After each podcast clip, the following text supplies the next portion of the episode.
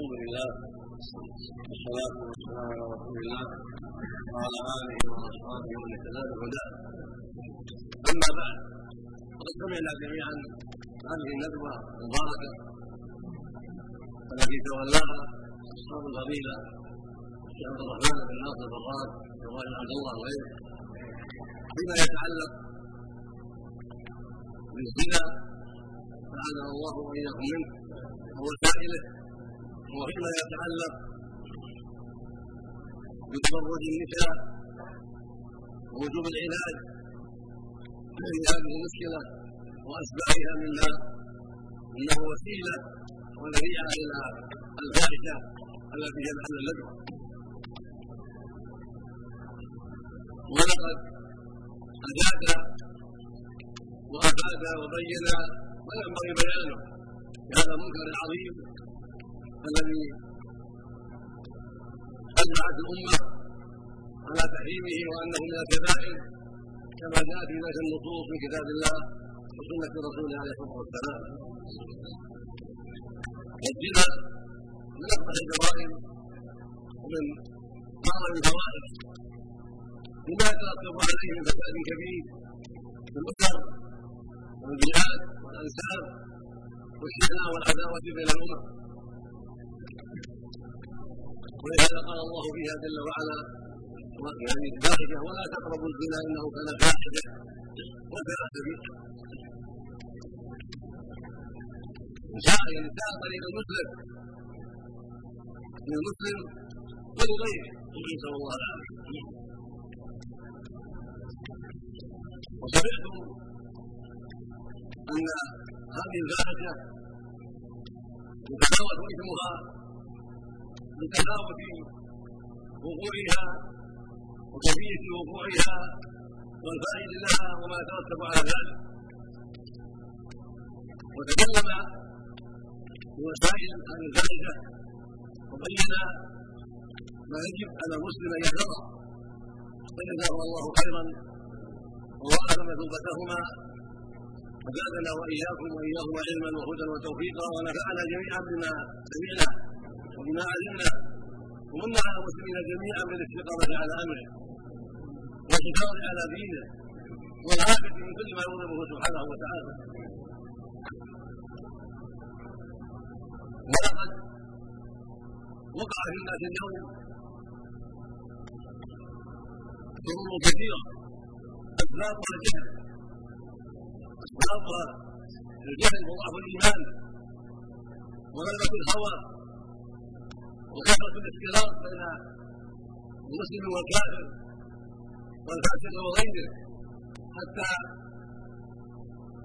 صار البريء والمحافظ على خطر عظيم من هذه الخطبه وحتى أصيب كثير من البراء والمحافظين من شر العظيم من هذه الوخاره فانها اعظم من الجرم وأكثر جدا على المخالطين من الابرياء والاخيار تؤثر عليهم كثيرا.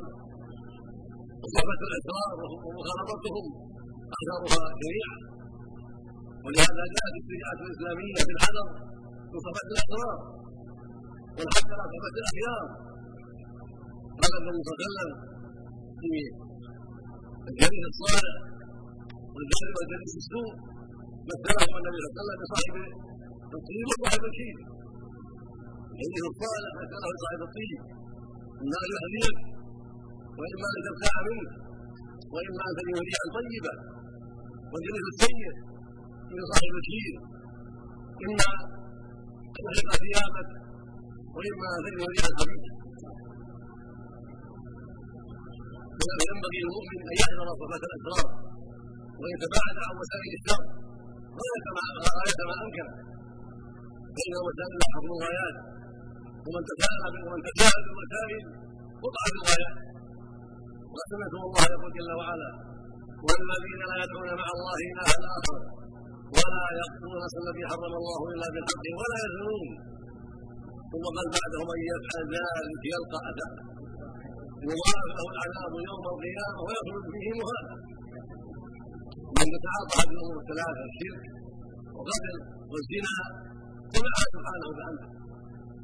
ثم قال بعده من يفعل ذلك يلقى عذاب يضاعف له العذاب يوم القيامة ويخلد فيه مهانا اما خلود المسلم فهذا أمر معلوم مقطوع إذا مات على الشرك فهو مخلوق فهو مخلد في النار أبد الابد ودهر الداهرين لا يموت فيها ولا يخرج منها ولا ما تلقى عذابه فيها مقيم لا الله.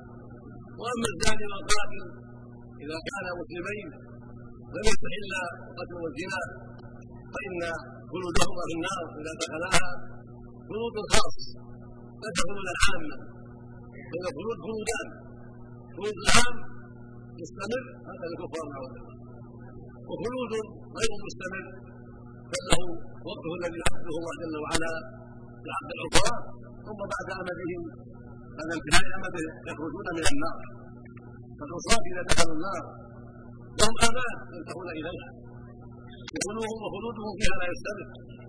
ولا سيما القتال ان يقتل بغير حق ويقتل نفسه بغير حق. توعد بالخلود. ومن يكن متعمدا فجزاه جهنم خالدا فيها وغضب الله عليه ولعنه وأعد له عذابا عظيما. جاء في الحديث ان حسنه في عذب به يوم القيامة. اتى بحديثه علم في يده يتوجه بها هذا مخلد في النار نعوذ بالله. وهكذا جاء في معاصي أخرى ومنها الزنا نسال الله العافيه فهو خلود له أمد. وله نهاية في النار إذا دخلها على العاصي ليس مثل خلود الكفار. خلود الكفار لا ينتهي. وخلود العصاة له أمد ينتهي الليل بإذن الله عز وجل. ثم بعد تطهيرهم في النار وتنحيصهم وإزالة حسبهم يخرجهم الله من النار إلى نهر وقال نهر الحياة ينبتون فيه كما تنبت الحبه عن السيف ثم بعد ما يتم خلقهم وينتهي. ينقل إلى الجنه ويصل إليه. فالشرك والقتل والزنا جاء في هذه الآية. عظم خطرها وأن أهلها مكلفون في النار وأن يضاعف لهم العذاب إلا من تاب. ومن تاب تاب الله عليه. من كان الشرك. أو القتل أو الزنا أو غير هذا تاب الله عليه. قائد كما سمعتم من الشيخين التوبه بابها مفتوح من تاب تاب الله عليه. من الشرك وما دونه بعض الذنوب الشرك بالله وكفر بالله عز وجل. ومن تاب تاب الله عليه. والتائب الذنب كمن لا ذنب له. وإذا تاب توبة صادقة واتبعها بالإيمان والعمل الصالح ابدل الله سيئات حسنات كما قال عز وجل الا من تاب وامن وعمل عملا صالحا واولئك يبدل الله سيئات حسنات هذا الله سبحانه وتعالى. التوبة الصادقة مع شروط الندم على الماضي من السيئات. ندم صادق والإقلاع من الذنوب وتركها على منها تعظيما لله سبحانه وتعالى. والعلم الصادق لا يعود في ذلك. هذه التوبة. إلا إذا كانت المعصية تعلق بحق الادبيين من ضمن النفوس أو بالاموال أو بالاعراض فلا بد من شرط رابع وهو رد الحقوق إلى اهلها أو استحلالهم منها. إن ردها إليهم. أو استحله فاباحوه سلم من شرها والحرب من الغيبة ونحوها قد يسقط استحلالهم منه. وقد لا يسقط استحلالهم. وقد يترتب على استحلالهم ما هو شر من ذلك. فإذا كثر استحلالهم كان طيب وإذا اباحوا سلم الامر الغيبه والقيد ونحو ذلك. لكن إذا خشي من ذلك فإن عليه أن يذكرهم الخير الذي يعلمه. فيها بالسوء ويدعو لهم ويستغفر لهم حتى يقوم هذا مقابل ما حدث من اعراض وتكلم في عن اعراضهم إذا لم يتيسر فيستحلهم من ذلك. وسمعتم ما يتعلق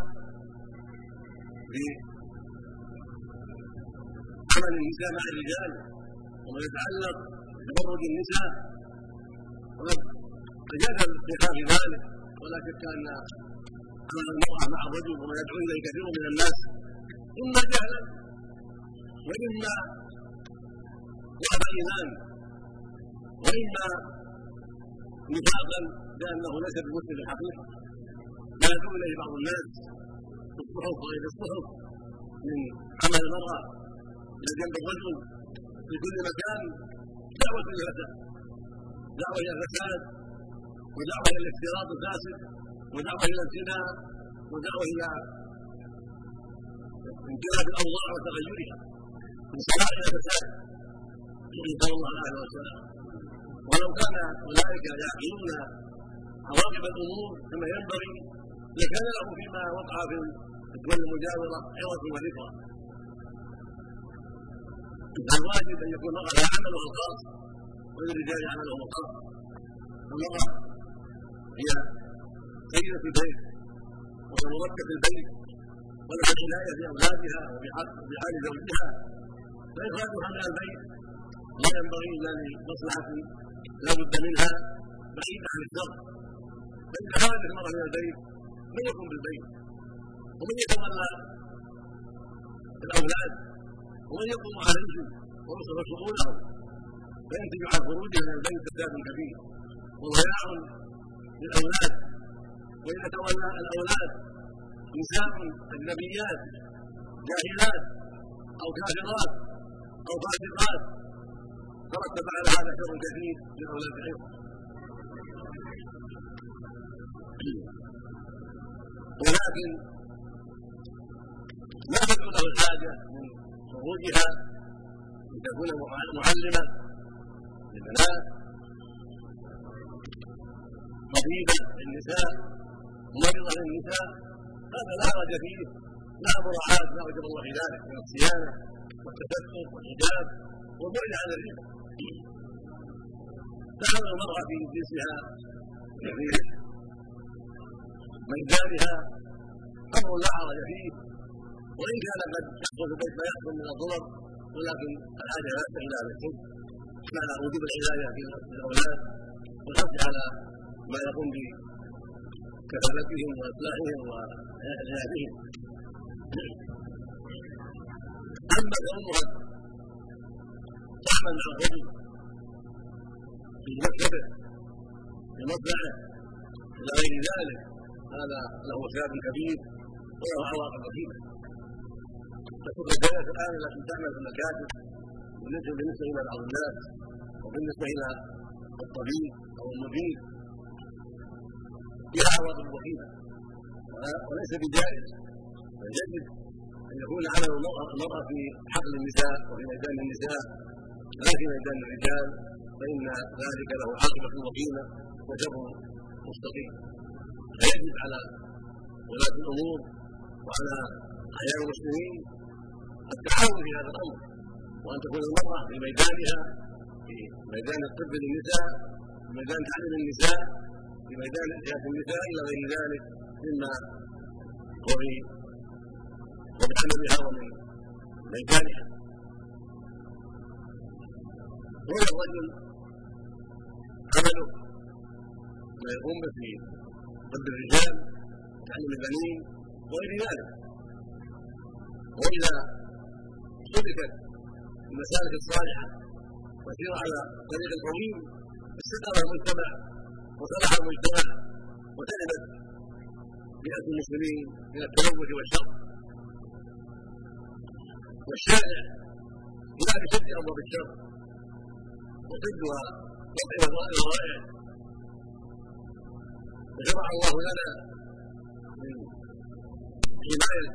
ما أوجب الله من سد الطرق لما حرم الله شرع الله لنا في ذلك سد الذرائع المفضي إلى المحرمات وموت إلى ترك الواجبات. حتى تصان الحقوق وحتى يكون أمر الله على وجه الشرعي وحتى يبتعد عن معالم الله سبحانه وتعالى. وهكذا ما يتعلق بركوب السائق ركوب المرأة مع السائق أو مع الأجنبي الكلبة صرح الرسول صلى الله عليه وسلم بتحريمها يقول عليه الصلاة والسلام لا يتولى رجل المرأة فإن الشيطان يدعوه لا يتولى رجل امرأة فإن الشيطان ثالثهما ويسأل أهل معه نحرا لا يتولى رجل أهله معه نحرا هذا لابد من رعايته ولهذا شرع الله لهن. الدورة في بيوتهن وعدم التبرج لئلا يقع الفساد. تفردها في الاسواق ووسائل الفساد وغض البصر ووسائل السلام والحجاب ووسائل السلام.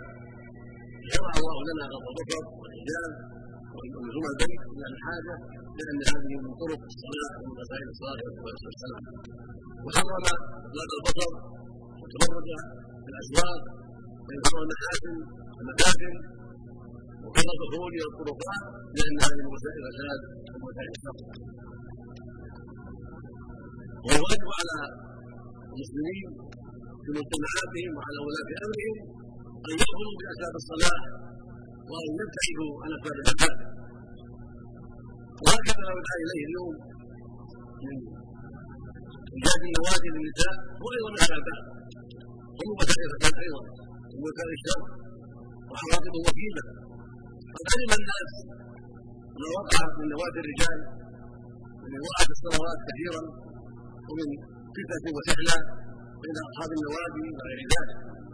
وكيف بنوادي النساء وما يترتب عليها وعلى خروجهن إليها وعلى اجتماعهن فيها وعلى من يراقبها وإذا يترتب على ذلك من الشرور والعواقب الوخيمه فشر له الدعاء وشر له الدعاء.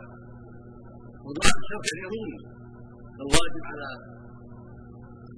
ولاة الأمور وعلى كل من له.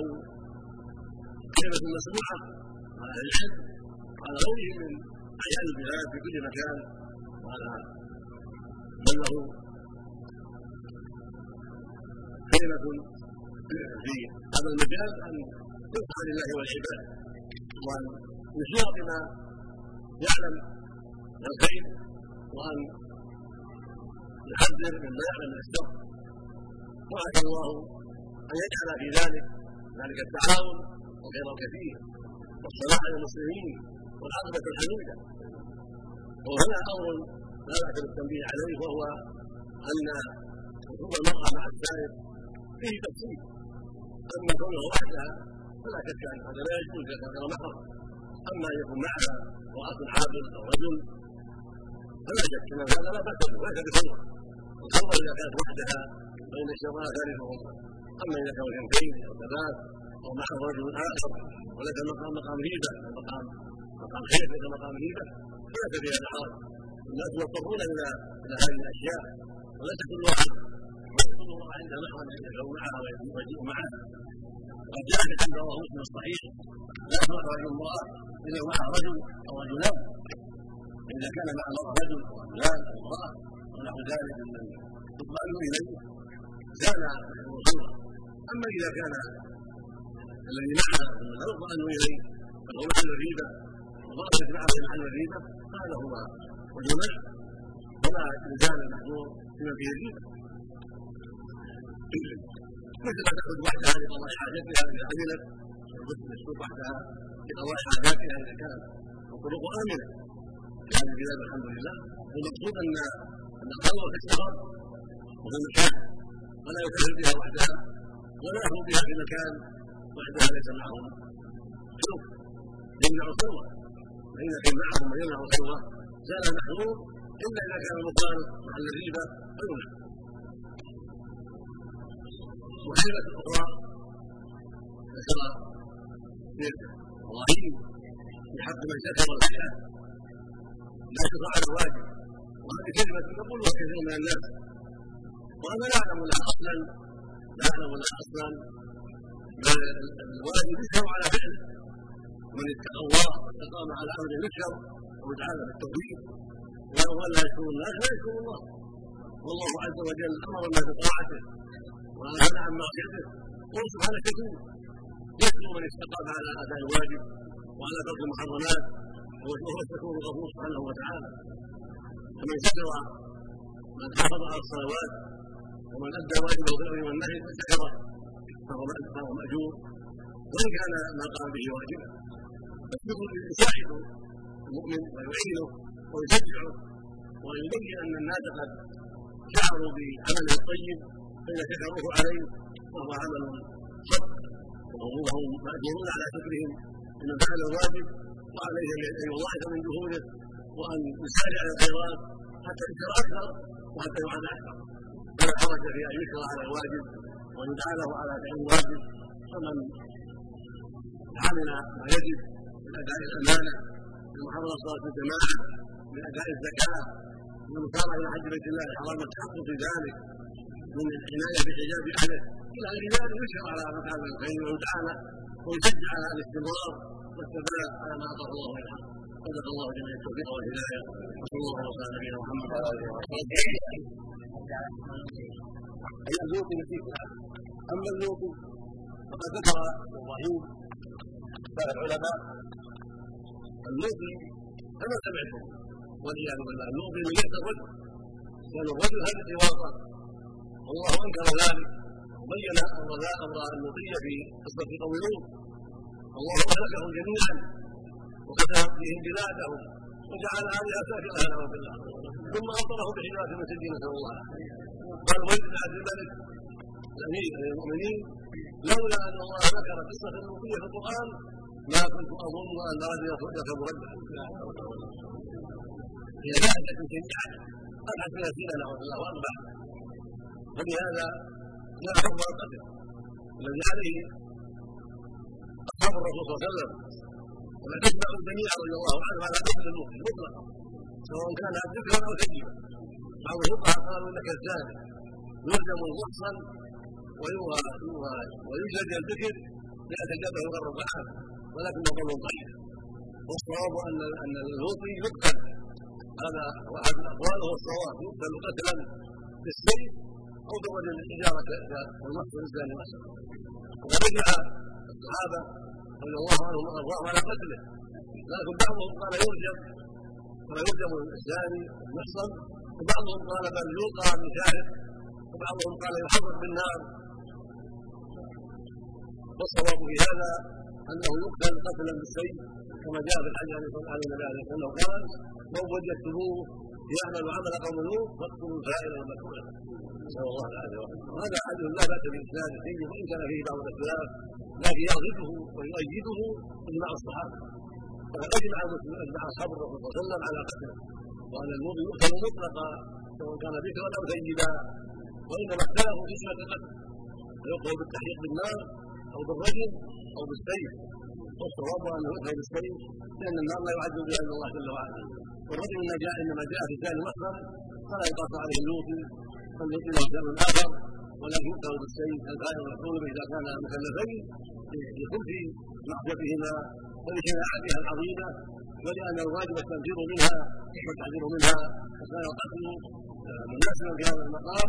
للتحذير من هذه الفاحشه الجميعه الخبيثه نسال الله جميعا العافيه والسلام حكم من ياتي البهيمه البهيمه جاء فيها الحديث في الاختلاف انه يقتل وجاء ابن عباس انه يعذر تعذيرا لأن الصلاه الواحده لا يكفي لأن في اختلاف ابن عباس عن البهيمه وهو الذي عليه العلم وحاصل من العلم انه يعذر اذا البهيمه حمارا أو بقره أو حلزا أو غير ذلك يعذر بعض أهل قال يقتل في الحديث ولكن هذا جمله من العلم إلى انه يعذر لأن الحديث ليس فيه بدل قوته وسببه ما يجد على قتل الشخص لأن فيه بعض الاختلاف والاصل عصمه المؤمن الاصل عصمه المؤمن وجب أن يعذر بما يراه ولي الأمر من جلدات أو جلد وسجن أو غير ذلك مما يراه ولي الامر واضحا عن